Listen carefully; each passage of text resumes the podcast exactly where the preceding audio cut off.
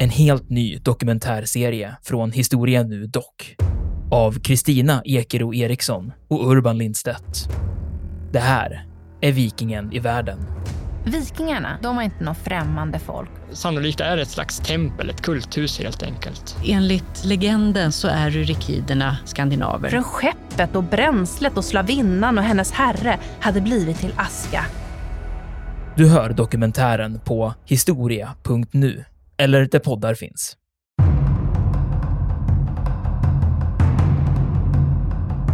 Av sin blotta natur skulle jag vilja säga, så är det här ett område som det alltid har krigats om och antagligen kommer att fortsätta krigas om. Men sen är ju det här väldigt intressanta skillnader mellan Ukraina och Ryssland. För det är ju precis som du säger, medan Ukraina har, eller det som vi idag kallar för Ukraina, de har ju en mycket äldre tradition av statsbildning och kan eventuellt något slags demokratiskt tänkande. Kanske man kan jämföra med det här med vikingarna och deras ting. Va? Och så att det finns någon slags sån eh, ådra i det. Om man då jämför med Ryssland som inte har den alls. Så under den här perioden så är ju egentligen bara Ukraina en del av Ryssland i 46 år. Av deras 2000-åriga historia så är man bara en officiell del av eh, Ryssland under så kort tid.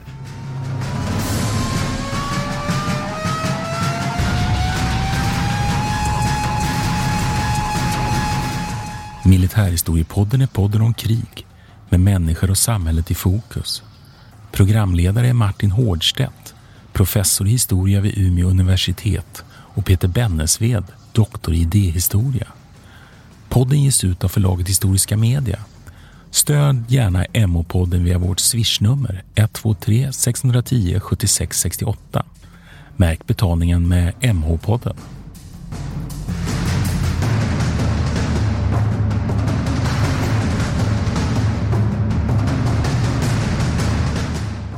Ja, välkomna till Militärhistoriepodden. Jag heter Martin Nordstedt. Ja, det här är Peter Bennesved.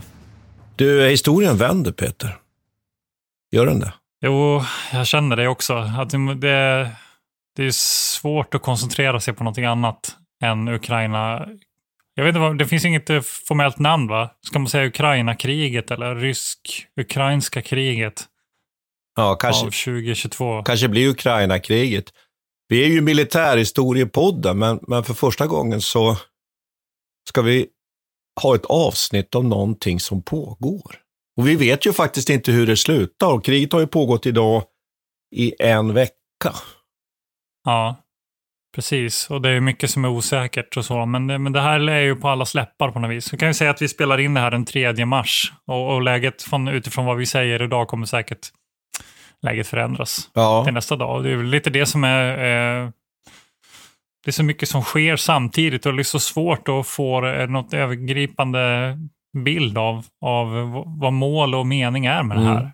Tycker jag. Ja, men vi tänkte väl att vi skulle dels resonera lite kring vad, på vilket sätt det här skulle kunna vara en vändpunkt och sen också fundera lite kring orsakerna till konflikten och också reflektera lite kring framförallt kan man väl säga egentligen den ryska krigföringen och var, var den befinner sig idag.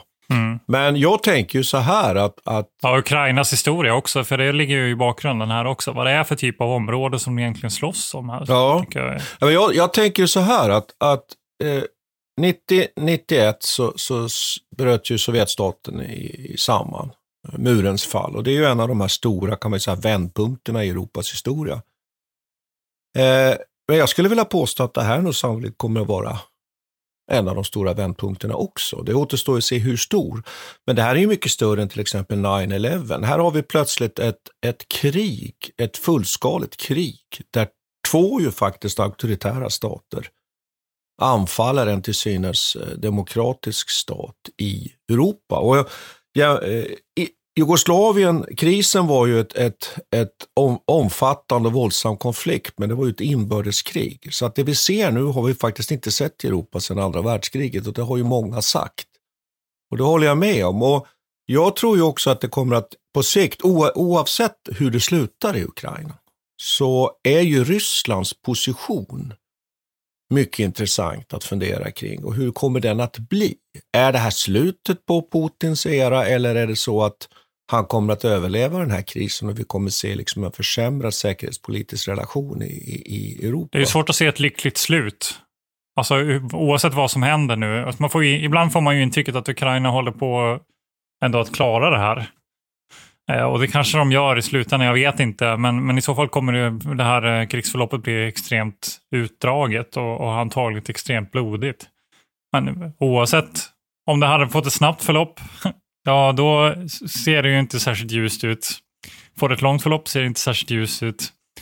Och ska väststaterna blanda sig in i det här ser det inte heller särskilt ljust ut. Alltså jag, jag vet inte, det, det, är svårt att se att det på något sätt kan sluta väl. Och det tycker jag är, är liksom, eh, det oroar mig. Ja, men, då, men jag skulle nog vilja peka ändå på två saker som jag inte vet om man skulle säga att de är positiva, men två viktiga, tycker jag, konsekvenser redan av konflikten. Den ena är ju att till synes västmakterna har kommit samman. Det var ju tyst mm. några dygn, men sen kom ju en väldigt kraftfull reaktion och det jag tycker man kan notera här ju är ju att Tyskland ju fattar beslut om en, en mycket stark upprustning och dessutom skickar vapen. Sverige och Finland, två alliansfria stater som, som försöker vara neutrala i konflikter, skickar vapen in i en krigszon. Det är ju, är ju ändå en milstolpe. Och Sverige har inte gjort det här sedan 1939 och då vi ju faktiskt skickade vapen just till Finland. Mm. Och, så här tycker jag vi har en tendens att västmakterna till, syn, till synes tillsammans med USA har enats. Det är den ena saken. Och den andra saken är ju att det är uppenbart att alla länder nu ju ser över sin beredskap. Och då tänker jag ju på Sverige, eh, där vi ju på allvar nu måste ställa om och det verkar som att, att, att politikerna också förstår att vi måste skaffa oss den där tröskeln va? för, ett, för mm. ett angrepp som vi hade under kalla kriget. Att de ringer hela tiden nu och frågar mig om skyddsrum. Diverse journalister som ringer. Och det är liksom, och jag, igår fick vi nyheten att eh, att eh, sökningarna hade på, på skyddsrum i Sverige hade ökat med så 4 000 procent eller någonting. Det är helt vansinnigt. Liksom. Så att man, man förstår att det här, att det här eh, påverkar ju vanliga människor också som inte du och jag är väldigt intresserade av de här sakerna förstås och följer det, men det här är liksom någonting som angår alla. Och så fick vi se också att uh, lite provokationer från Ryssland igår, att de körde in med några jaktplan i svenskt luftrum för att Antagligen som en slags eh, hämnd eller någonting från eh, det faktum att vi skickar pansarskott ner till Ukraina. Nej, men så även, även jag håller med dig att det, det är ju ett fint, eh, det är ju någonting fint i att man lyckas ena sig, men det här ser vi ju bara i början nu. Va? Det är ju en annan sak om det här fortsätter nu i månader. Eh, och, och liksom, hur ska man hantera den situationen? Och nu är det ju, det är ju lätt för staterna att att eh, göra uttalanden och fördöma. Men det är ju en annan sak att faktiskt åstadkomma någonting på marken sen när det väl... Jag menar, det, den typen av krigföring som vi ser är ju så pass blodig och så... Vilket annat... Eh, vi har ju sett flera sådana här situationer förut och då har det ju lett till, eh, jag, menar, jag tänker på Kuwait, jag tänker på Irakkriget där man har liksom... Fastnat i operationerna. Ja. Mm. Tjetjenien, eh, Georgien. Ja. Vi har ju flera sådana här konflikter och vi, vi har ju pipen faktiskt ett avsnitt om Tjetjenienkriget, det kan vi ju säga till lyssnarna direkt. Men jag tycker att det ändå är intressant och sen kan man ju spekulera lite kring, jag har ju eh, själv, jag tänkte på att du får, du får frågor om, om skyddsrum. Det här, det här visar väl lite vad vi har för olika kompetenser Peter mitt i detta ja. elände. Jag får ju frågor om... Ja, jag alltså får ibland ångrar jag mig att jag skrev den avhandlingen. Alltså jag, jag, det här jag skulle bli. jag får ju frågor om, om, om Ryssland och jag får ju frågor om krigföringen och frågor om Finland. Så att det, det är lite lustigt, lite lustigt hur, hur det speglas nu, hur man efterfrågas. Quality sleep is essential. That's why the Sleep Number smart bed is designed for your ever-evolving sleep needs. Need a bed that's firmer or softer on either side? Helps you sleep at a comfortable temperature? Sleep Number smart beds let you individualize your comfort so you sleep better together. JD Power ranks Sleep Number number 1 in customer satisfaction with mattresses purchased in-store. And now save 40% on the Sleep Number limited edition smart bed for a limited time. For JD Power 2023 award information, visit jdpower.com/awards. Only at Sleep Number stores or sleepnumber.com. A lot can happen in 3 years, like a chatbot may be your new best friend But what won't change? Needing health insurance. United Healthcare Tri Term Medical Plans, underwritten by Golden Rule Insurance Company, offer flexible, budget friendly coverage that lasts nearly three years in some states. Learn more at uh1.com.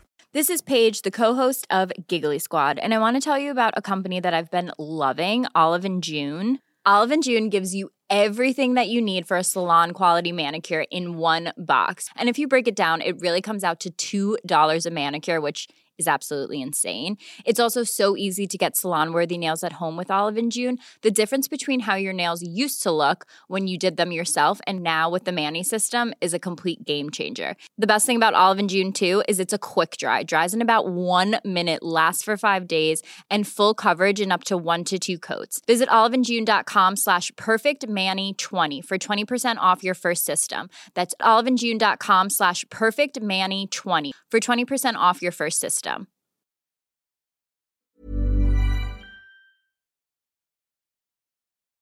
En annan sak som jag har försökt att, att ändå diskutera, den är ju den här frågan att finns det, så att nu har man ju sagt att, att Ryssland ju söker att, att samla ihop slaverna och då är det ju väldigt märkligt egentligen, i och för sig kan man ju tycka att man nu bedriver krig mot ett syster och broderfolk, men att det är det som är deras intressesfär. Men frågan är ju, uppfattar Ryssland i en förlängning alla de områden som en gång eller på något sätt har ingått i det ryska väldet som sitt intresseområde? Och då ska vi nog ha klart för oss att, att då är inte ens Sverige faktiskt utanför den intressesfären i någon mening. Därför att eh, både Baltikum och, och, Finland är ju definitivt det. Och då pratar vi om, om faktiskt väldigt långa linjer i historien. Vi pratar om, om eh, byggandet av Sankt Petersburg in i Finska viken 1703, som man ju ibland brukar säga är kanske det viktigaste årtalet i, i Sverige och Finlands historia, för att det så geopolitiskt påverkar oss med, med, med en rysk önskan att skapa en geografisk säkerhet. Och det är ju liksom självskrivet. Och sen tycker jag en annan, en annan historisk tendens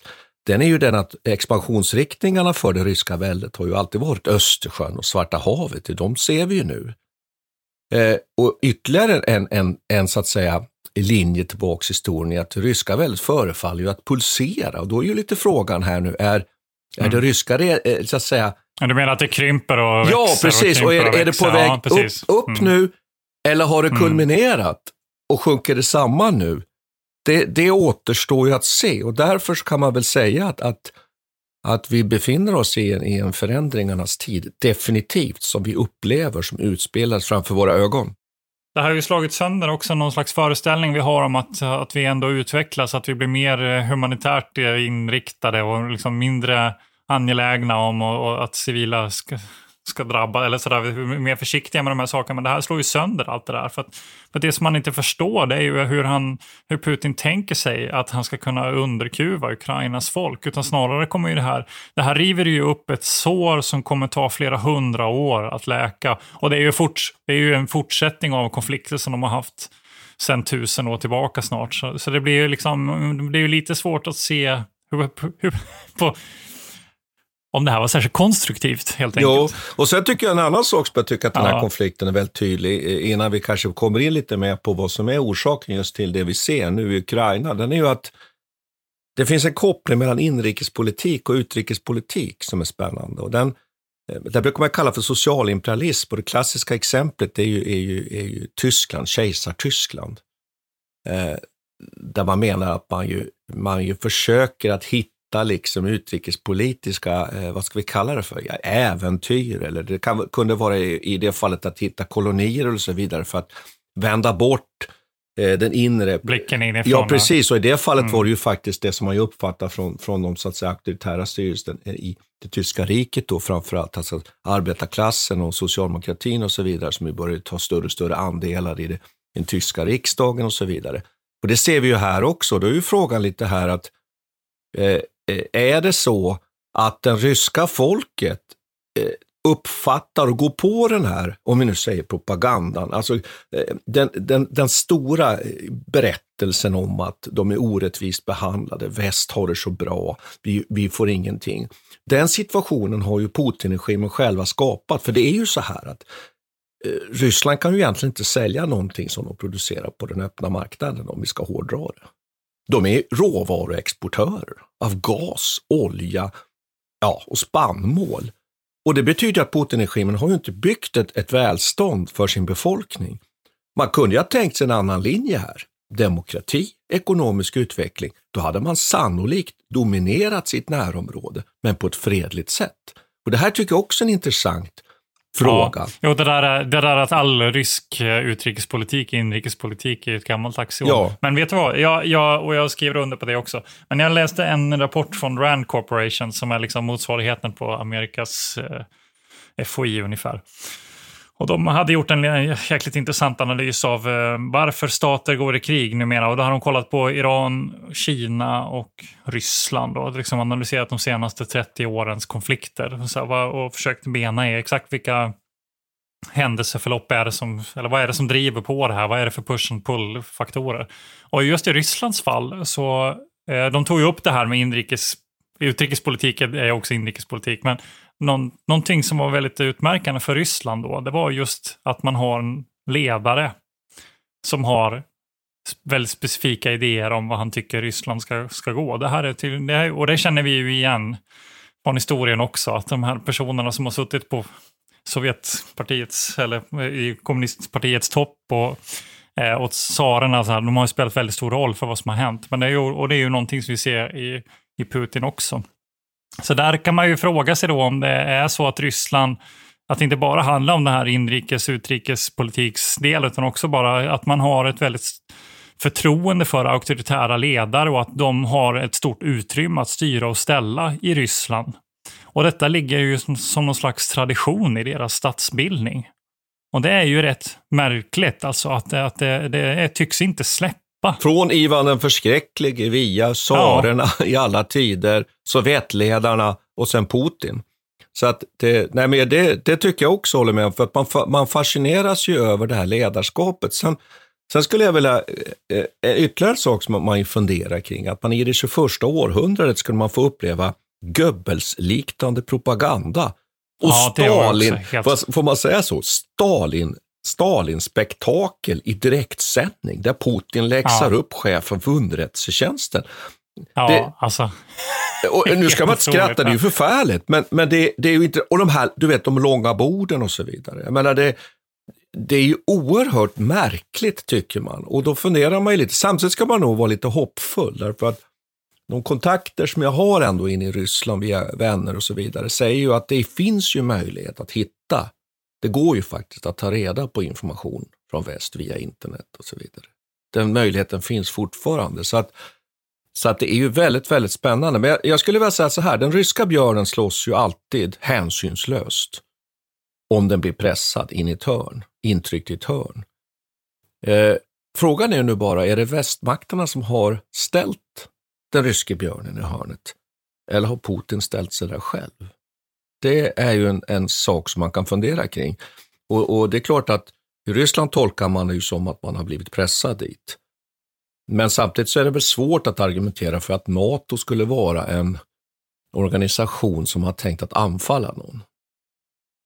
Men om, eh, men om man får vara djävulens advokat ja. då, för det här är någonting som jag funderar på. Det är ju att de här konflikterna är ju inte helt olika det som vi har sett i Kuwait och Irakkriget och Afghanistan till exempel att vi har en, en, eh, någon slags ockupationsmakt som gör ett snabbt, snabbt anfall både till land och till, till hav eh, och, och till, i luften och, och, liksom, och väldigt mycket civila offer också, även om man har en ambition att inte... Så, så jag tycker ändå att det, eh, man kan ju förstå att de, alltså det är inte svårt för, för Putin att hitta argument varför, varför det han gör inte är väsensskilt från, från det som väst har gjort. Men det är för att vi har, liksom en, vi har ju en annan syn bara på de här ja. staterna i ja, Mellanöstern. Det... Alltså, Ukraina däremot upplevs liksom som något mer nära och europeiskt. Ja, och som du sa i början, ja. liksom det, demo, det demokratiska, att det finns en slags demokratisk ådra i det. Att de är västtillvända. Det finns en, en svår sak här och den är ju faktiskt den att om vi nu ska prata, för nu är vi inne på lite historiemoraliska frågor här. Den är ju den att anfallet på Irak 2003 där finns det vissa folkrättsliga betänkligheter formellt sett. Ja. Sen, sen, är det så att vi, som du säger, om vi nu ska vara lite självkritiska, så, så, och jag ska inte sticka under stolen med att jag ändå tyckte det var, var positivt liksom att när man rullar mot Bagdad och sådär, liksom att, att vi fick bort Saddam Hussein och sådär. Men, men man ska nog ha klart för sig det. Och man kan också fundera lite kring de amerikanska bevekelsegrunderna till att gå in i de här områdena. Vi har ju faktiskt ett, ett, ett avsnitt om Kuwaitkriget i pipen här. Och då pratar vi om det som jag var då 1990. Nej, precis. Och då ska vi mm. prata om oljeimperialismen och allt det här som också som ligger bakom. Ja, liksom. Så, så att vi måste vara eh, renhåriga. Vi måste vara renhåriga. Ja. Men samtidigt är det så att det finns en stor väsentlig skillnad. Och den är att jag uppfattar att Ukraina med alla sina brister, med, med, sin skakiga, skakiga demokrati, sin omfattande korruption, men ändå sin goda vilja att ändå vilja sträva mot att bli, bli en demokrati, så tycker jag att den, den moraliskt ändå, så finns en stor skillnad här. Och det är också så att eh, det här är ju, det är klart att det var, ett, det var ett stort anfall mot Irak. Självklart var det det. Och den likheten tycker jag framförallt finns ju i det som du är inne på här, det är ju att denna civilbefolkning som alltid får sitta jo, mellan. precis. Man ja. försöker se på det här med, med, med precisionsbombning och sådär, men det liksom eskalerar alltid efter ja. ett tag. Och raketerna slår fel och sen, och sen blir det, övergår det till hämndaktioner och så. Att, och där tycker jag är någonting som, som vi har gjort, som vi har kanske tänkt fel i svensk eh, krigsplanering eh, under de senaste 20 åren, att vi har föreställt oss den här typen av strategiska överfall, där, där, där, där händelseförloppet är liksom på mindre än en vecka så är det överstökat. Men det blir inte så. Alltså, jag vet inte vilka, vilka krig är det som, som har bedrivits på det viset. Det är väldigt få genom historien som har haft så extremt snabba förlopp och där, civil, där civilbefolkningen inte varit drabbade nej, nej. i någon större utsträckning. Jag, jag ska ju erkänna så här att trots mina så säga, både historiska kunskaper och militära kunskaper som jag ju ändå besitter så eh, hade jag nog ändå tron på ett, ett, ett kuppförsök i Kiev. Sen insåg man ju plötsligt att det var det som skulle komma, det du precis pratade om, som inte kom här. Mm. Utan att det är ju det här skymningsläget. Och sen den här upptrappningen, att har man militära kunskaper så vet man ju det att en, en så stor truppmassa, vi kommer ju komma till det här lite sen när vi pratar om logistik och så vidare i den ryska, ryska krigsmakten, kan inte stå och stampa för många dygn. Det är ju så. Utan den måste sättas in eller dras tillbaks. Eh, så är det. Man kan inte utgångsgruppera så att säga för ett anfall och stå där för länge. Man sliter truppen. Så det borde man ju liksom ha insett på något sätt. Men jag måste ändå säga att jag, jag nog hade den, jag ska ju vara renhårig. Men du har rätt i att de här konflikterna förefaller ju vara, för det du pratar om är en form av skymningsläge. Ju. Och sen trappas det upp och, och det kan man väl säga är hoppfullt därför att det gör ju att i vårt fall, om jag nu pratar specifikt om Sverige, så kommer vi ju att när vi har skaffat oss en större, får man ju säga nu då, förmåga, försvarsförmåga, ha en god möjlighet att faktiskt eh, mobilisera och förbereda oss. Och då pratar jag inte bara om det militära, utan att även förbereda ev evakueringar och sånt. There's never been a faster or easier way to start your weight loss journey than with PlushCare. PlushCare accepts most insurance plans and gives you online access to board-certified physicians who can prescribe FDA-approved weight loss medications like Wigovi and Zepbound for those who qualify.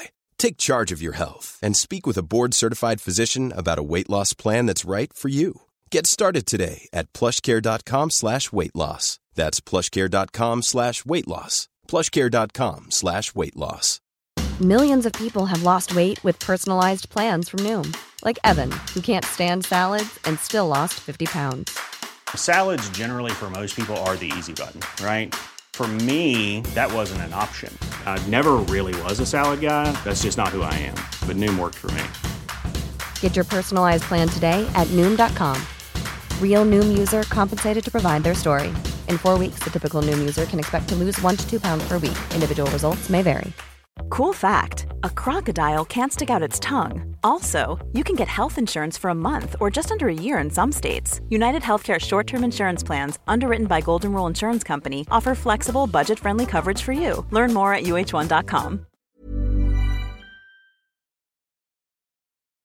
Jag tycker väl så här, ska vi klara av bakgrunden? Och då, då öppnar jag så här. Ja, men kan vi, ja, precis. Får jag öppna så här och säga att det finns ju alltså en tanke om en, en ukrainsk autonomi. Och när vi går tillbaks till medeltiden, kanske till 1200-talet, det fanns något som heter Kievriket, så är det ju inte nationalism i, i, i modern mening.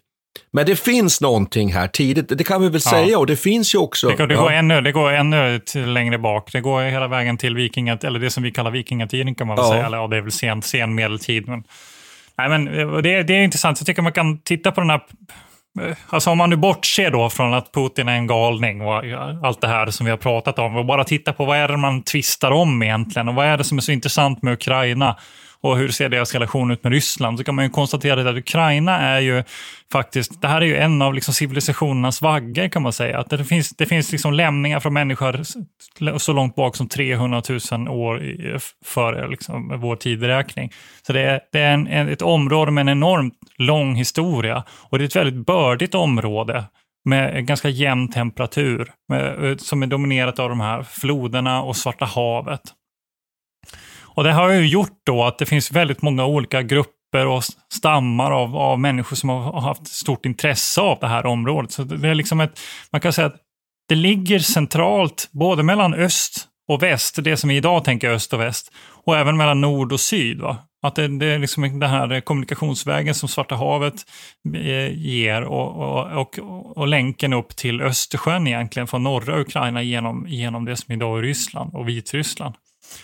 Så att det, det, har ju liksom en, det, och samtidigt finns det ju inte någon tydlig kanske geografisk avskärmning eller någon slags gräns om du tänker om man jämför med Skandinavien. Vi har liksom Östersjön som, som, de, som sätter gränser för det här området. Utan det här är precis som Ryssland, det är ett område som kan krympa och, och svälla hela tiden fram mm. och tillbaka beroende på hur de här geopolitiska rörelserna ser ut. Då beroende på vilka tsarer och eh, kaner och sådär som, som rör sig i området. Av sin blotta natur, skulle jag vilja säga, så är det här ett område som det alltid har krigats om och antagligen kommer att fortsätta krigas om. Men sen är det här väldigt intressanta skillnader mellan Ukraina och Ryssland.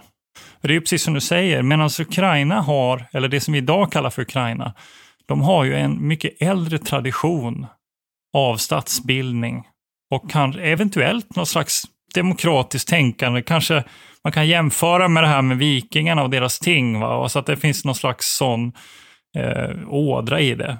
Om man då jämför med Ryssland som inte har den alls. Det finns en, en eh, historiker som är Richard Pipes som har, som har skrivit om det här, som har menat att, att just området i Ukraina, där har det liksom bildats stater och statsbildningar genom att folk först har kommit dit och koloniserat det, att det har funnits en slags folklig grund i det.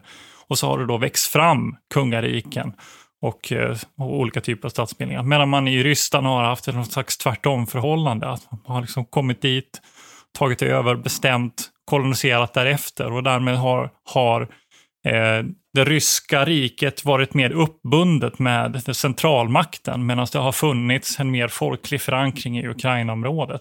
Så det här, mm. det här går liksom... Mm. Ja, vill du nej, nej, jag, jag ville bara kommentera så att Richard Pipes har ju framförallt skrivit om ryska revolutionen också. Och jag re ja. rekommenderar det han har skrivit faktiskt. Och just i, i de där böckerna så har, lägger han, tycker jag, en väldigt bra grund i det du är inne på, att man förstår liksom det ryska samhället och varför det var möjligt och så vidare. Så att, nej, men, men, och, och, i det där som du nu beskriver, så jag, jag vill bara kommentera en sak, det här med, med stats eh, naturliga gränser, är ju ett sånt intressant liksom, begrepp. Tittar man till exempel på Frankrike, Renstranden, Pyrenéerna, ja. Det, och så precis som du säger, att en stat som inte har de här geografiska barriärerna, riskerar ju precis som du säger att bli ett sånt här mittemellan. Mm. Eh, Samtidigt som det, som det då har ett väldigt eh, fördelaktigt eh, man säger, klimat ja, för odling ja. och så. Där är ju, det är en, en klassiker, är ju Europas, ja. Ukraina Europas kornbod. liksom. och, det finns, det finns ju en och det finns ju någonting eh, väldigt sant i det. Ja, jag, jag, jag tror att de placerar jag... sig bland fem, fem på topp fem-listan av, av spannmålsexportörer mm. i världen faktiskt. Ukraina. Exakt. Ja.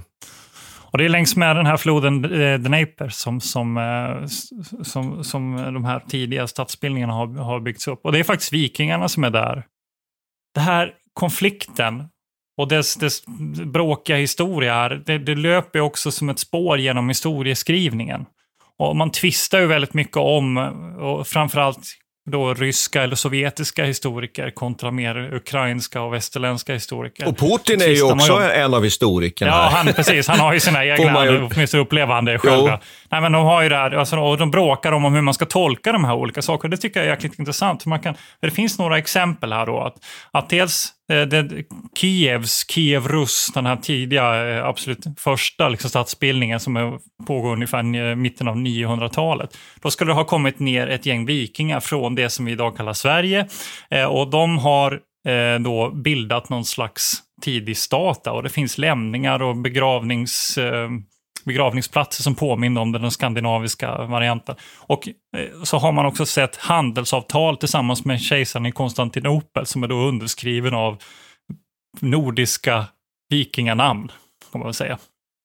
Så där har vi den tidigaste historien egentligen. Men då är då, det är någonting som man tvistar om här då, det är huruvida assimilerades de här vikingarna in i, ett slav, i en slavisk kultur? Eller tog de med sig ett västerländskt sätt att tänka om hur statsbildningen byggs upp. Och det här är ju någonting man tvistar om. Det är liksom första då. Ja, men gör man tolkningen att de assimileras in i ett mer slaviskt tänkande, ja, men då är det lättare att föreställa sig att det här är bara en förlängning av det som skulle bli Ryssland Storryssland. Däremot har man en annan tolkning på, på vikingarnas inflytande, så blir det mer att ja, men Ukraina har en, tar en särväg mm. in mot, mm. mot eh, och ha ett mer västerländskt eh, orienterat. Och sen nästa grej, ja under, under 11 eh, och 1200-talet, när det moskovitiska furstedömet börjar bildas då, då är det frågan här och, och det som idag Ukraina har liksom splittrats upp och, av inre stridigheter och krig. Då är det frågan här, vandrar de här Kiev-Rus mm, mm. eh, uppåt till Moskva genom en folkvandring och då bildade det moskovitiska furstendömet. Eller var det så att det moskvitska furstendömet skapades av andra skäl och blev starkt på grund av att Ukraina blev försvagat? Och här återigen, hur man tolkar detta beror på då hur, hur nära man kan tycka att Ukraina är liksom den ryska historien. Och då ska jag bara vilja lägga till att det kan vara, vara viktigt för lyssnarna också att ha insikt, insikten att, att, att, det vi kallar för Ryssland idag, det, det finns ju en konkurrens. Novgorod var ju en, en, en mittpunkt ja. i det riket och det var Novgorod som Sverige stångades mot, inte minst i det idag som är Finland.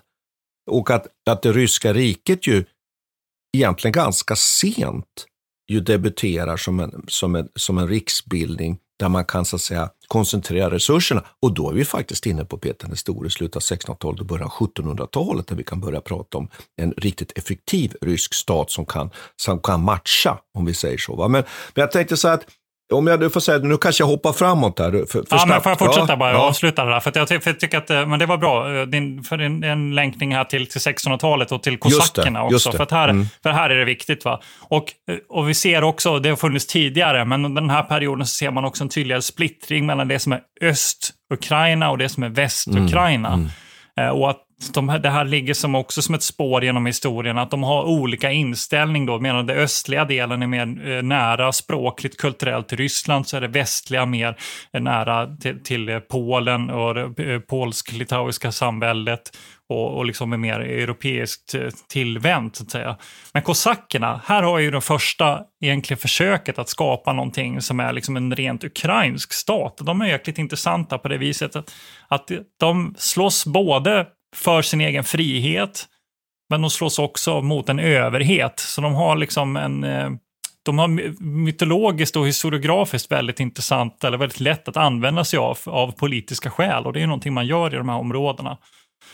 Och sen då återigen är ju frågan om, om den här tidiga Bodan Chelmenytsky som ska ha varit den första 1648 som har sitt universal här och så, som, som pratar om det ukrainska folket. Men då är återigen frågan här, allierar han sig med Ryssland för att de ska, är liksom rysk tillvända kulturellt sett? Eller är han bara en realpolitiker som försöker skydda sig från det polsk-litauiska samväldet? Så det, så det är återigen det här eh, samspelet med de här olika dragningskrafterna. Och, det, och ja, jag kanske ska slamma. Ja, nej, men, och där kommer ju också, det kan vi ju nämna bara, för vi har också faktiskt i pipen ett avsnitt om, om XIIs ryska fälttåg och, och som ja, nu slutar vi på Poltava. Ivan Mazepa, och han är ju kosack. Ja. ja. Och det ska vi inte säga för mycket om här då. Men, men det finns, det, det jag tycker man kan sammanfatta med att säga att in i modern tid, om man nu tänker sig att modern tid blir någonstans då 18-1900-tal, så,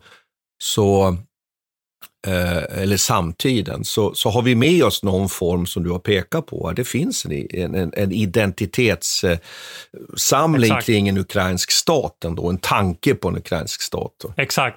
Och den här östliga, västliga får ju ett väldigt, eller den här olika kulturella sfärerna eh, får ju ett väldigt tydligt uttryck i, i den första statsbildningen egentligen, nationalstaten 1917. Just det. För då är det det Mm. västliga Kiev Mm. som utropar en republik. Samtidigt som man då i Charkiv, som är mer eh, bolsjevikiskt eh, orienterat och ryskt orienterat, där utropar man en bolsj- bolsjevikisk eh, republik. Och, och det är detta som de sen slåss om och bolsjeviken till slut vinner och så bildar man den här socialistrepubliken 1922. Så under den här perioden så är ju egentligen bara Ukraina en del av Ryssland i 46 år. Av deras 2000-åriga historia så är Mm. man bara en officiell del av eh, Ryssland under så kort tid.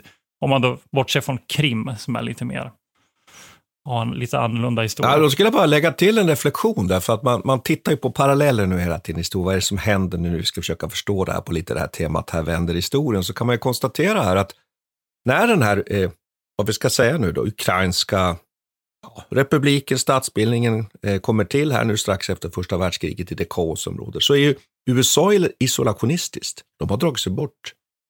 Det kan man säga, skulle man kunna säga, Trump-eran. USA Mm. har lite tagit ett steg tillbaks från sitt så att säga, världspolisansvar. Västmakterna var uttröttade över första världskriget. Vi går tillbaks till nutid nu då. Västmakterna kan inte riktigt ena sig. Det finns inte den här krigsförberedskapen, beredskapen och så vidare. finns paralleller. Men det som ju händer då plötsligt är ju här att, och det är därför jag tycker man också, det, det är ett argument för att se det här som en vändning i säkerhetspolitiska historia.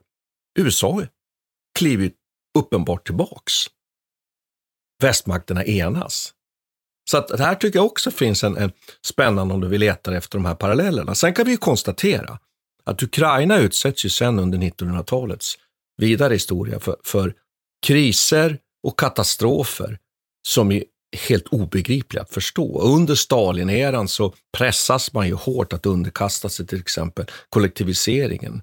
Och där har vi, har vi bland annat en, en figur i, i världshistorien, Khrushchev, som är med där faktiskt och leder det som ju sen blir en systematisk repression av den ukrainska befolkningen. Att med svältvapnet tvinga dem till underkastelse. Man räknar mellan, att mellan 3 och 10 miljoner, man kan inte direkt, direkt Ja, det fast, det, det, att man stänger av helt enkelt delar av Ukraina och svälter dem ju till döds för att pressa dem in under det sovjetisk-bolsjevistiska systemet. Så vi ska ju komma ihåg att här finns det ju sådana saker i bagaget också. Sen bara matar jag på här nu Peter, du får ju säga till om du börjar må, Ja, må nej, illa. visst, nej, Sen kommer andra världskriget, vad händer då? Ja, Mm. då utsätts man ju för hela den Nazitysklands repression. Och det är ju fullständigt obegripligt kan man ju säga. Varför, varför ser man inte i den ukrainska nationen så att säga då en möjlighet att hitta en, vän mot Ryssland? Men det kan man ju fundera kring i det oändliga. Vi ska prata sen om Stalingrad. Mycket av det här fälttåget på sommaren 1942, det äger ju rum här. Också Barbarossa inleds ju här med inringningen vid Kiev och så vidare. Ja, visst. Volgograd, eller Ja, det visst. som då var Stalingrad, det ligger ju bara en bit österut. Det är inte alls långt Nej. härifrån. Alltså där, det är det här området man Ja, slåss här sköljer ju andra världskriget över. Ja. Och då har vi nästa sak här nu då. Då har vi, då, då har vi Nazitysklands repression av det här, av Ukraina. Och också grupperingar inne i Ukraina då, grillor, separatistiska rörelser som slåss både mot nazisterna, mot bolsjeviker och mot alla möjliga fiender och som begår Precis, och där, övergrepp. där har vi ju, eh, om vi ska skjuta in det här öst-västliga perspektivet också, så här ser man ju också att det finns grupp, grupperingar i västliga Ukraina som, som slöt upp på nazisternas sida i någon slags eh, försök, eh, någon sån Ja, nationalist-fascistisk ådra. UPA-grillan. Ja, precis. Och det är, ju detta, det är ju därför också som Putin ko- återkommer till det här med att den sittande regeringen nu är nazister. Att de är han nazister, ser ja. För annars undrar man ju om han är helt ser, galen. Exakt. Ja. För han ser det där spåret Ja. från det västliga Ukraina och den typen av rörelse som fanns där under naziststyret och eh, kopplingen till, till idag. Liksom. Och den är givetvis helt barock och har ingen koppling till verkligheten, men det är så de resonerar. Så. Mär, märker du upphetsade vi blir här hela tiden? För, Ja, och det beror, ju på, det beror ju på att det här är så fruktansvärt. Att man, och att man, man sitter och betraktar detta och man ser historiens spår. Sen, sen ska vi inte döma nu de olika grupperingarna huruvida de var nationalsocialister eller bolsjeviker och så vidare. Jag tycker inte jag är så intressant. Jag tycker det är intressant att peka på att Ukraina har varit utsatt för oerhört tryck och deportationer, förflyttning av människor som är helt som är helt obegripliga, som man bara inte kan sätta sig in i och förstå. Sen ska vi komma ihåg då att Sen återkommer ju så att säga Sovjetstyret och då var det ju utrensningar igen. Sen lugnade det här ner sig så att säga med, med Stalintidens slut från 1953 och framåt. Och den här Khrushchev som jag just nämnde här, han, han blir ju så småningom då ledare i Ryssland. Så att där är vi ju någonstans här nu då. Men vad är nu konflikten, den konflikt vi ser nu, vad handlar den om då? Ja, det precis. Det kan man ju fråga sig då. Å ena sidan så tycker jag det finns ju en tydlig sådan nationalist etnisk Ja, vi har inte pratat alls om religionen heller här och det spelar också roll. Ja, den, den har betydelse. För, den ja, betydelse. för de, ja. de moskoviterna här har ju alltid varit, de har sett sig själva som den ortodoxa kyrkans eh, beskyddare. Och i den västliga delen av Ukraina så har man också rätt mycket influenser från den polska katolska traditionen. Just det. Så där finns också mm. sådana här konflikter som, och det är en helt, en helt eget poddavsnitt bara det. Bara, eh, liksom kopplingen mellan, mellan Konstantinopels fall och, och Moskvas eh, eh vad ska man säga, uppbärande av någon slags rom, eh, romartradition här som de försöker ta, ta på sig. Det finns ju också där. Man kan ju konstatera så här att, att med den här historien så har man ju ett problem med att du har väldigt många olika folkgrupper i samma område som pratar lite olika språk. Ukrainska är ett ganska annorlunda språk från, rysk, från det ryska språket. Och i de östliga delarna som har den här historien att vara mera tillvänd till Ryssland på grund av deras imperialistiska politik. Framförallt den Katarina den andra som verkligen slog ner alla kosacker och tog bort hela autonomin här och eh, gjorde Krim till ryskt och sådär. Så där har vi på, på den östliga sidan har man en ganska stor andel av, av rysktalande människor. Medan på den västliga sidan har man ju mer en Eh, där är det ukrainska som dominerar. Och en av de här tidiga konflikterna som man höll på med under 2014, då, bara för några år sedan egentligen, så har, det handlade mycket om det här. Att man på ukrainsk sida till exempel, först ut så sa man att, att eh, ukrainska skulle vara det officiella språket i hela staten. Och då, då fanns det en rädsla att den här ryska minoriteten då skulle bli någon slags andra rangens medborgare. Och det här, det här skapade stort rabalder i Moskva och samma sak vi har sett i så Baltikum de, kan ja. vi lägga till och säga. Ja, mm. precis. Ja, men de backade från det här sen och så det blev aldrig någonting av det. Men det blev, vad ska man säga, den där typen av etnopolitiska konflikter ligger i grunden här nu hela tiden. Men sen är det inte, så, så, kan man ju samtidigt inte säga att det är bara därför. Det är inte därför som Putin själv väljer att organisera det här anfallet. Det finns någonting betydligt mer också som också anknyter till Moskvas liksom, auktoritära sätt och imperialistiska visst, politik. Och som vi inte riktigt hans, vet heller, för ja. då måste vi in i huvudet Nej, på vi inte honom. riktigt förstå. Nej, precis. Men man, man kan konstatera att han är jävligt obehaglig på det viset. Han påminner ju väldigt mycket om Hitler och hans ständiga orerande om historien och, och liksom bygger upp sina egna eh, vad ska man säga, världsbilder egentligen som man sedan baserar sina politiska beslut på. Det är ju väldigt obehagligt. Men jag tänkte ta upp en sak som jag, som jag tycker, ja, som jag tycker och det, dels är det det här med krim, Eh, och, eh, som kan vara lite känsligt. Därför att i någon mening så finns det historiska argument för att Krimhalvön nog ändå tillhör Ryssland. För den blir som du säger under Katarina den stora slutet av 1700-talet Sen tillförs den den här ukrainska eh, Sovjetrådsrepubliken under, Sovjet, under Sovjettiden för att på 50-talet för Krim. Så att för mig, om jag nu får säga det, med, med risker att man, man gör sig ovän med människor, så så kan det vara svårare att argumentera för Krim. Sen ska man ju vara klar, klart och tydligt konstatera att det är ett folkrättsligt brott naturligtvis av Ryssland att ockupera Krim. Men, men om vi resonerar kring det så tycker jag att... Ja, men det finns ju en överväldigande majoritet ryssar där också ja, på ett annat sätt ja. än vad det finns i något annat område med. Så det är inte så svårt sen, att se. Sen är det liksom... intressant då att i de här östra, det här Donbassområdet och de här två då sen så kallade folkrepublikerna, tvivelaktigt självständiga eh, folkrepublikerna Donetsk eh, Eh, och Lugansk, så kan man också säga att det finns en väldigt spännande sak, nämligen att det här industrialiserade områden som är viktiga för Ukrains, att producerar BNP helt enkelt, det är tung industri. De har haft väldigt svårt med omställningen. Tung industri, jag menar i den nya ekonomiska världen. Arbetarklassen här är ryssvänlig. Men medelklassen faktiskt när man tittar lite på siffror. Nu är det så väldigt svårt att tolka de här folkomröstningarna. Ja. Nej. Men de är lite mera vända mot väst, mot Kiev och mot, mot Ukraina, även om de kanske faktiskt pratar ryska.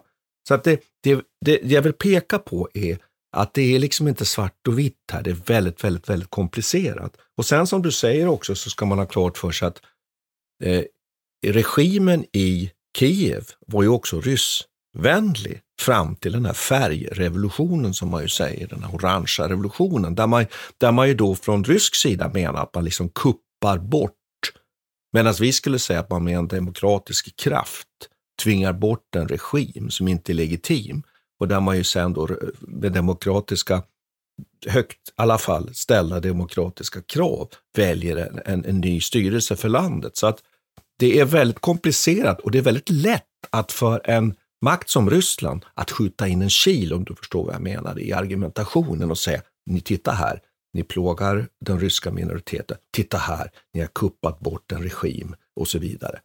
Så att det är en väldigt Nej, visst, och det svår... Finns, och det finns alltid, en, det finns alltid ett litet ja, saltkorn av sanning i det också, som gör, att, som gör att det blir så komplicerat. Och som gör att det, det går inte riktigt värja sig. Det, och det har väl, som jag sa, med de olika historietolkningarna med. Det är liksom hela tiden glaset halvfullt eller halvtomt. Och som gör att Putin alltid kan hitta argument och, och, och som han sen kan vinkla och sen, sin sen, sen kan vi konstatera då att det har ju pågått då så att säga ett, ett, man får väl säga då, nu skulle kanske de som är med där i kriget inte uppfatta det så, men vi skulle, när vi tittar utifrån, ett lågintensivt krig i, i de här två regionerna i östra Ukraina. Som har pendlat upp och ner i sin intensitet. Och vi, det är ju faktiskt så att det, det, har dött alltså i striderna kanske 13 000 människor. Det är ganska omfattande, så frågan är här om jag direkt får ta tillbaka lågintensiva strider. Och man har ju försökt då med olika avtal och de här Minskavtalen och så vidare att, att liksom eh, eh, gjuta olja. Men jag tänkte att man skulle kunna lite kommentera det militära läget. Kan det vara lite dags för jo, det? Jo, jag tycker det också. Vi, precis, vi kan gå över till lite, vad är det vi ser ja. också? Vad är det för typ av, eh. för det är ju intressant att säga, vilken typ av krigföring ja. är det man ser nu 2022? Och några grundläggande saker om den ryska armén. Den är ju den att den har ju också blivit en yrkesarmé faktiskt under, under senare årtionden. Så att majoriteten av de stridande förbanden är alltså yrkessoldater som kompletteras då med värnpliktiga som framförallt egentligen sköter logistiken. Eller möjligtvis finns i understödsförbanden. Så det är lite intressant och att man i Ryssland idag egentligen så, så handlar ju deras militära förband, det är egentligen den här de, de, de, de, kärnan i dem, eller så längst fram, är den här rörliga stridsanfallsbataljonen. Och sen till den då finns det då ett mycket kraftfullt understöd och raketartilleri, artilleri och så vidare. och så vidare och så vidare. Men det här är deras stridsförband och när man då har slagits på andra ställen eh, eh på, på, under senare år, då har man de här bataljonerna, men de behöver ju logistik och de behöver ju också naturligtvis flygunderstöd och de behöver också skydd. Behöver skydd runt omkring, för annars är de för liksom sårbara för flankanfall och stick och grillakrigföring och sånt. Och då har man milis. Är det för att de är för små då? Eller? Ja, de har, mili, de har man milisförband. Så jag antar att en del av de här tjetjenerna som var på väg skulle säkert hjälpa till med, att, med den här avskärmningen och skyddet av de här stridsbataljonerna. Nu, det är det här vad jag nu tolkar, det här är en fri tolkning. Mm. Mitt, ja, det vi, ja det, vi vet precis. ju inte vad. Men det intressanta är att den ryska armén förefaller inte ha förmåga att genomföra så att säga krigföring med låt säga samordning med brigadstorlek, med divisionsstorlek. Och det här är intressant att de här, de här bataljonerna, det finns exempel på under krig, krigen 2014 hur ukrainska armén faktiskt lyckas stoppa, fördröja och faktiskt slå vid några tillfällen de här bataljonerna. Så att här har vi någonting som, som jag tycker är intressant. Och nu kommer den svåra frågan. Det vi ser nu, det förefaller ha kört fast. Då är frågan, är det en effektiv armé som har haft usla planer? De kanske har fått, plan, de kanske har fått uppgiften för sent. Det är det ena. Det andra är ju att det är bra planer, men det är ändå en usel armé. Det är en armé mm. som ändå inte... Så här kan man ju ställa sig den frågan. Och det här vet ja. vi ju inte nu. Det är, det är ju spekulationer på hög nivå här. Nej, och det är så mycket propaganda kring det. Där man får säga att även ukrainarna lever ju på nu att, att försöka förmedla absolut. bilden av ett Ryssland som håller på att kollapsa. Ja. Så det är ju, men absolut, bilden av, bilden av det här är ju att det här, deras logistiska apparat har bara ja. fullkomligt havererat. Ja, du, du sa ju till mig här när vi pratade vid för något år att vi har ju sett världshistoriens största soppatorsk. Ja. På väg till Kiev. Jag, tog, jag ska säga ja. att jag, ja, precis. Nej, men jag har tagit det från Lars Wildräng som har kommenterat det faktiskt. Jo. Han, han eh, har skrivit mycket om det här också. Men, men, men, eh, men visst, man kan ju undra vad, vad i hela friden de tänker. Vad jag förstår så är det där inte heller var det ockupationsstyrkor då? Eller Ja, vi vet, nej, vi vet inte vad det är, så Ja, att säga. Men- Det, vi ska, ju- nu är det så att man måste ju skämta mitt i detta elände då, så att säga. Så vi vet ju ingenting. Och sen, sen kan man väl konstatera naturligtvis att hade de utsatts för, för en modern armé med flygunderstöd som kunde matcha dem i luften, så det är ju klart att de hade haft svårare att, att, att eh, operera. Sen tycker jag att man kan lägga till några saker. Det är intressant att se att man på ganska väl spritt i de ryska förbanden så har man termiska sikten ner på enskild soldat och på grupp. Liksom inte så att det finns någon per grupp, utan flera soldater har det. Och vad är det då? Jo, det är att man alltså kan upptäcka motståndare med hjälp av vär, värmeanslag, alltså värmetecken så att säga. Och det, då kan man nog säga så här att den som vinner så att säga infanteristriden i framtiden, det är sannolikt den som har de här termiska siktena. Mm. Så det är ganska obehagligt. Sen har vi också sett exempel på att man ju använder bomber som ju folkrättsligt ju inte är tillåtna, klusterbomber till exempel, och också bomber som ju innehåller vätskor som sprids och som är oerhört heta. Ja, ja, men den ter termobariska bomben. Alltså, vad- att det är en- Men, men Peter, ja, det är ju, Peter, 21 århundradet. Alltså det är märkligt Ja. hur mänskligheten hela tiden eh, uppfinner den här typen av vapen. Alltså, ja, det, är ju, det får man säga att, det- jag vet inte om ni lyssnarna känner till det, men det är alltså en slags, det är en slags bränsle i de här eh, bomberna eh, som sprids i, i en första explosion så sprids det här bränslet ut över en stor yta och varpå det sen antänder Mm. i, ett, i ett nästa steg. Och detta gör att det blir en, som en slags vakuumbomb, eller att det, det suger upp luften. Den exploderar inte utåt utan den liksom suger upp inåt. Och, och det, är, det är eh, en oerhört brutal typ av bomb och som, som du behöver inte vara alls långt ifrån den för att dina inre organ ska slitas ut. Alltså det, det är väldigt så här, Mm. ja, det är ett fruktansvärt sätt att dö på och de är ju förbjudna i folkrättsliga Mm. därmed också, de får inte användas. Där, Ja, det där är- det tyder på att man har använt den här typen av bomber. Då. Ja.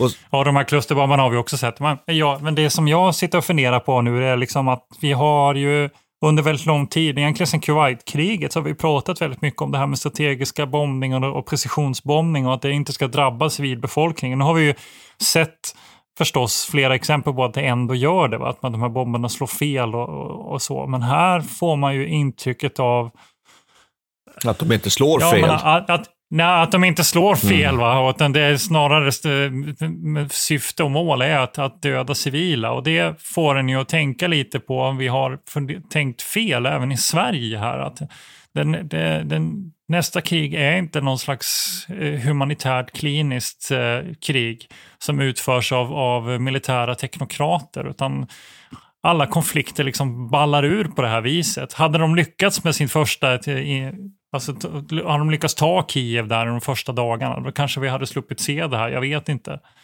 Men, men, eh, men vad är chansen för att man lyckas med ett sånt företag? Att ta en miljonstad alltså, Mm. på det här Nej. viset. Det är ju hopplöst och det har historien visat så många gånger också förut, att det, det, liksom, det fungerar Nej, och jag, inte. jag tänkte på det, för bara, jag får säga, att skulle Ja. det vara nu så att man nu börjar bomba sönder de här städerna, då, då blir det Stalingrad, eller det blir, blir som vi såg i Tjetjenien, Grozny. Ja. Och då är det så att då blir det lättare att försvara de här städerna. Det är ju märkligt att det är så. Då bygger man ju egentligen en, en ointaglig bunker, då kommer man få slåss. Och då är det så att anfallsmålen då, som ska tas, ja men då handlar det om att sätta in en bataljon på ett kvarter. Alltså det är enormt, det bara äter soldater att kriga i de här. Och då har ju också, om man nu får säga så, då, ukrainska armén, om den är väl förberedd, och den har haft lång tid till förfogande att gräva ner sig, att bygga sitt, sina motståndsnästen så att de kan understödja varandra på djupet, att de kan samverka, att man kan få fram förnöder och ammunition. Och då blir det riktigt, riktigt, riktigt grisigt. För ska man slå sig in i en sån här, eh, eh, och det där tror jag kanske är ett tecken i, i, inför framtiden, att, att krigföringen kommer vara i urban miljö. Så att det här att vi ska möta en, en invasionsarmé som kommer över Kalix i skogen och på myrarna, eh, det kanske inte är det som gäller, utan det är kanske att vi ska slås i Stockholms förorter. Nej, och så måste man släppa den här tanken på snabba eh, liksom, händelseförlopp. Utan det här, är, det här är sånt som kommer ta, det tar tid och det kommer, de kommer liksom gräva ner sig. Ja, och där du är inne på också att det här civilmilitära ju på, på, ett, på ett besvärande sätt Mm. nu, eh, där alla de här krigen blir humanitära katastrofer Mm. per, per Ja, definition. Jag, jag, jag undrar om det var, alltså den här ut, Zelenskyj gick ju ut med och sa att folk skulle beväpna sig och så här, och de, som skapade snabbt lagar som tillät beväpning och, och sånt där tycker jag är, jag förstår att de gör det. Mm. Alltså det, jag förstår det är helt också. rimligt. Jag, mm. jag, skulle, jag skulle själv, hade jag varit ukrainare så hade jag själv liksom velat bidra på det viset. Samtidigt så ser man ju då tydligt hur det här civilmilitära bara gnuggas ihop till en enda gröt. Va? Att den, varje civilist kan då mera räknas som en, som en eh, soldat i något läge. Och nu än så länge kanske vi inte har sett riktigt så blodigt, va? men det finns, ja, det finns massvis exempel på som man, om man följer liksom, civila som blivit mer eller mindre avrättade. Men, men eh, om desto längre den här konflikten tar, desto mer kommer de här gränserna suddas ut. Och den här ukrainska befolkningens samling kring Molotov cocktail är ju spännande. Jag tror inte de riktigt förstår vad de ger sig in på. Ja, de tänker att de ska använda den där, men andan va, den, den vittnar ju om att det här, det här kommer inte bli det här kommer bli väldigt grisigt om det här får fortlöpa under lång tid. Even on a budget, quality is non-negotiable. That's why Quince is the place to score high-end essentials at 50 to 80% less than similar brands. Get your hands on buttery soft cashmere sweaters from just 60 bucks, Italian leather jackets, and so much more.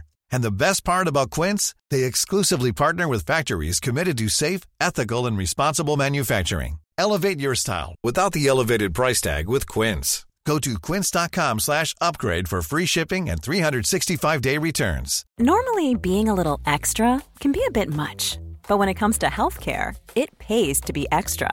And United Healthcare makes it easy with Health Protector Guard fixed indemnity insurance plans. Underwritten by Golden Rule Insurance Company, they supplement your primary plan, helping you manage out of pocket costs without the usual requirements and restrictions like deductibles and enrollment periods. So when it comes to covering your medical bills, you can feel good about being a little extra. Visit uh1.com to find the Health Protector Guard plan for you.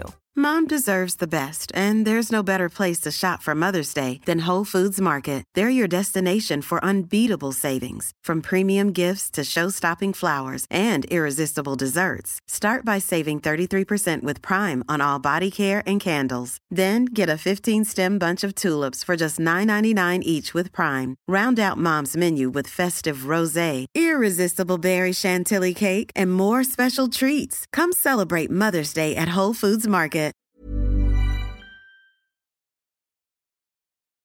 Men du Peter, skulle du vara beredd att åka ner till Ukraina och hjälpa till? Ja, men jag kan ju inte sånt där. Alltså. Jag är ju värdelös med vapen. Nej, jag, har ju, jag har ju militär utbildning, så att... Uh, ja, ja, jag vet. Det är jag ingen lyssnare som har undgått det. Nej, jag kan säga att jag var faktiskt inne senast bara i helgen. Tjänstgjorde. Så att, ja. så att uh, men det är klart att tanken har, har det har förefallit, ja. att den, den, har så att säga, slagit mig. Sen, sen finns det olika skäl till, till att man inte gör, gör, det. Det finns många goda skäl till att inte göra det. Men, men det är intressant ändå hur den här, och det måste vi vara, måste vi vara öppna med här, att vi försöker liksom lite argumentera att det, det är en väldigt känslomässig stund. Sista veckan har varit väldigt känslomässig för mig, måste jag säga. Ja, absolut. Och jag tycker att igår Alltså det finns många likheter som man kan dra med till exempel spanska inbördeskriget också, och svenskarnas uppsamlingar här. Och igår fick vi nyheten om att ungefär 400 svenskar hade anmält sig frivilliga för den här uh, ukrainska främlingslegionen. Och det, är liksom, och det vittnar ju om att det här engagerar. Mm. Och, det på, och, och uppsamlingen av pengar och förnödenheter och sånt där de ska skicka. Det är flera på jobbet också som engagerat sig i den här saken. Att det, det blir liksom... Ja, hela Sverige samlar sig, hela världen på ett sätt. Hur ska vi, och vad ska hända med de här 800 000 flyktingarna som ja. tar sig in?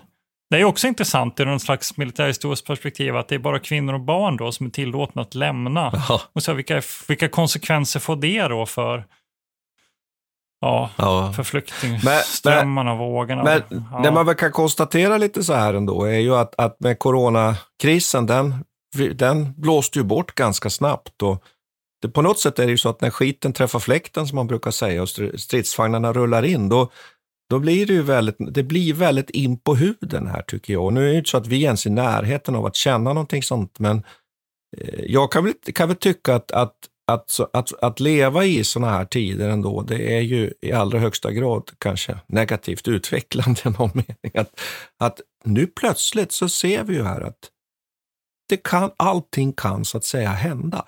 Sen tänkte jag bara ta en sista sak som jag känner att vi måste kommentera. Mm. Kärnvapen. Ja. Jag har jättesvårt att komma med en bra analys av det. Ja, jag kände samma. Alltså hade du frågat mig för två veckor sedan, jag får ju jätteofta frågor så här, Ja.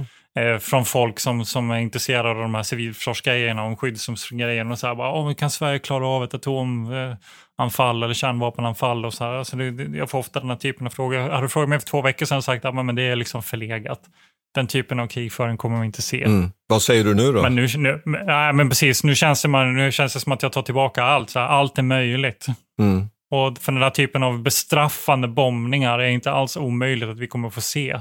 Det vore ju helt barockt om, man, om han gör det. Men det är ju som du sa tidigare, att när, den- när björnen känner sig trängd, Mm. då slåss han vildsint Ja. alltså. Och det handlar ju hela tiden om, om Putins egen världsbild, vad han, hur han upplever det här. Liksom. Och han, har- han, har ju gjort, han har ju gjort det ryska federationen till sitt projekt. Så han kommer ju leva och dö med Ryssland. Liksom. Och det är det som man tycker är så obehagligt. Hitler var, var, betedde sig på ett liknande sätt de sista åren här. Innan han, innan han tog livet av sig 1945. Mm. Men han hade ju inga kärnvapen, tack och lov. Nej, och det, jag, jag tänker också så att kärnvapnen, det är klart att det finns taktiska kärnvapen, men det är ändå så att de här kärnvapenstyrkorna är ju inte egentligen riktade mot, mot Ukraina, utan mot västmakterna. Så att, eh, jag tycker väl så här, att, att, att göra ett sånt här avsnitt när vi mitt är mitt inne i historien, Peter, det är jättespännande. Och jag skulle hoppas ju att det här kriget avrundas så snart som möjligt, så att framförallt människornas eh, lidande i Ukraina, och också, tycker jag, värnpliktiga ryska soldater och även eh, ryssar kan rädda sina liv ut ur den här konflikten. Så det är ju det vi hoppas på. Därför så, så, så kan vi nog lova att jag tycker vi ska ha definitivt en uppsamlande analys och se att eh, det vi sa idag, en vecka efter krigets utbrott, hur mycket av det stämde och hur, hur blev det? Det tycker jag skulle vara en intressant Ja, vi får väl se. experiment. Och eh, får vi fortsätta här och, och vi kommer ju nu att försöka spela in en del avsnitt, kan vi säga till lyssnarna här, som, som är lite anknyter till det här. Vi hade faktiskt redan Stalingrad på gång, det har jag redan nämnt, och vi kommer att försöka bygga det med lite fler avsnitt, för att det finns någon anledning här att anknyta lite till det som vi upplever, tycker vi. Så okej, man, man kanske inte deltar på den sidan man tycker har moraliskt rätt, eh, men man kan väl i alla fall bidra med att vi, vi, vi pratar om de här sakerna. Mm. Det tycker jag. Vad ska vi säga. Peter? Historien vänder. Och, Ja. och jag vet inte, vi, jag vet inte om vi ska säga tack ska vi ha. Vi kan väl bara, bara hoppas att det här får, får ett, ett, ett slut. Mm. Slava Ukraini. Vi tackar Peter Bennesved och Martin Hårdstedt.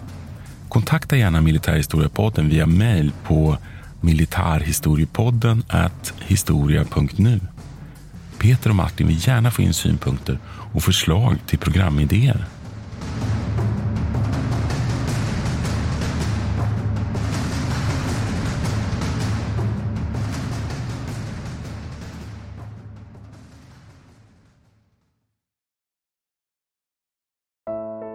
Iran har under 1900-talet genomgått tre omvälvande revolutioner som orienterat landet antingen mot västerlandets modell eller mot en auktoritär styrelseform.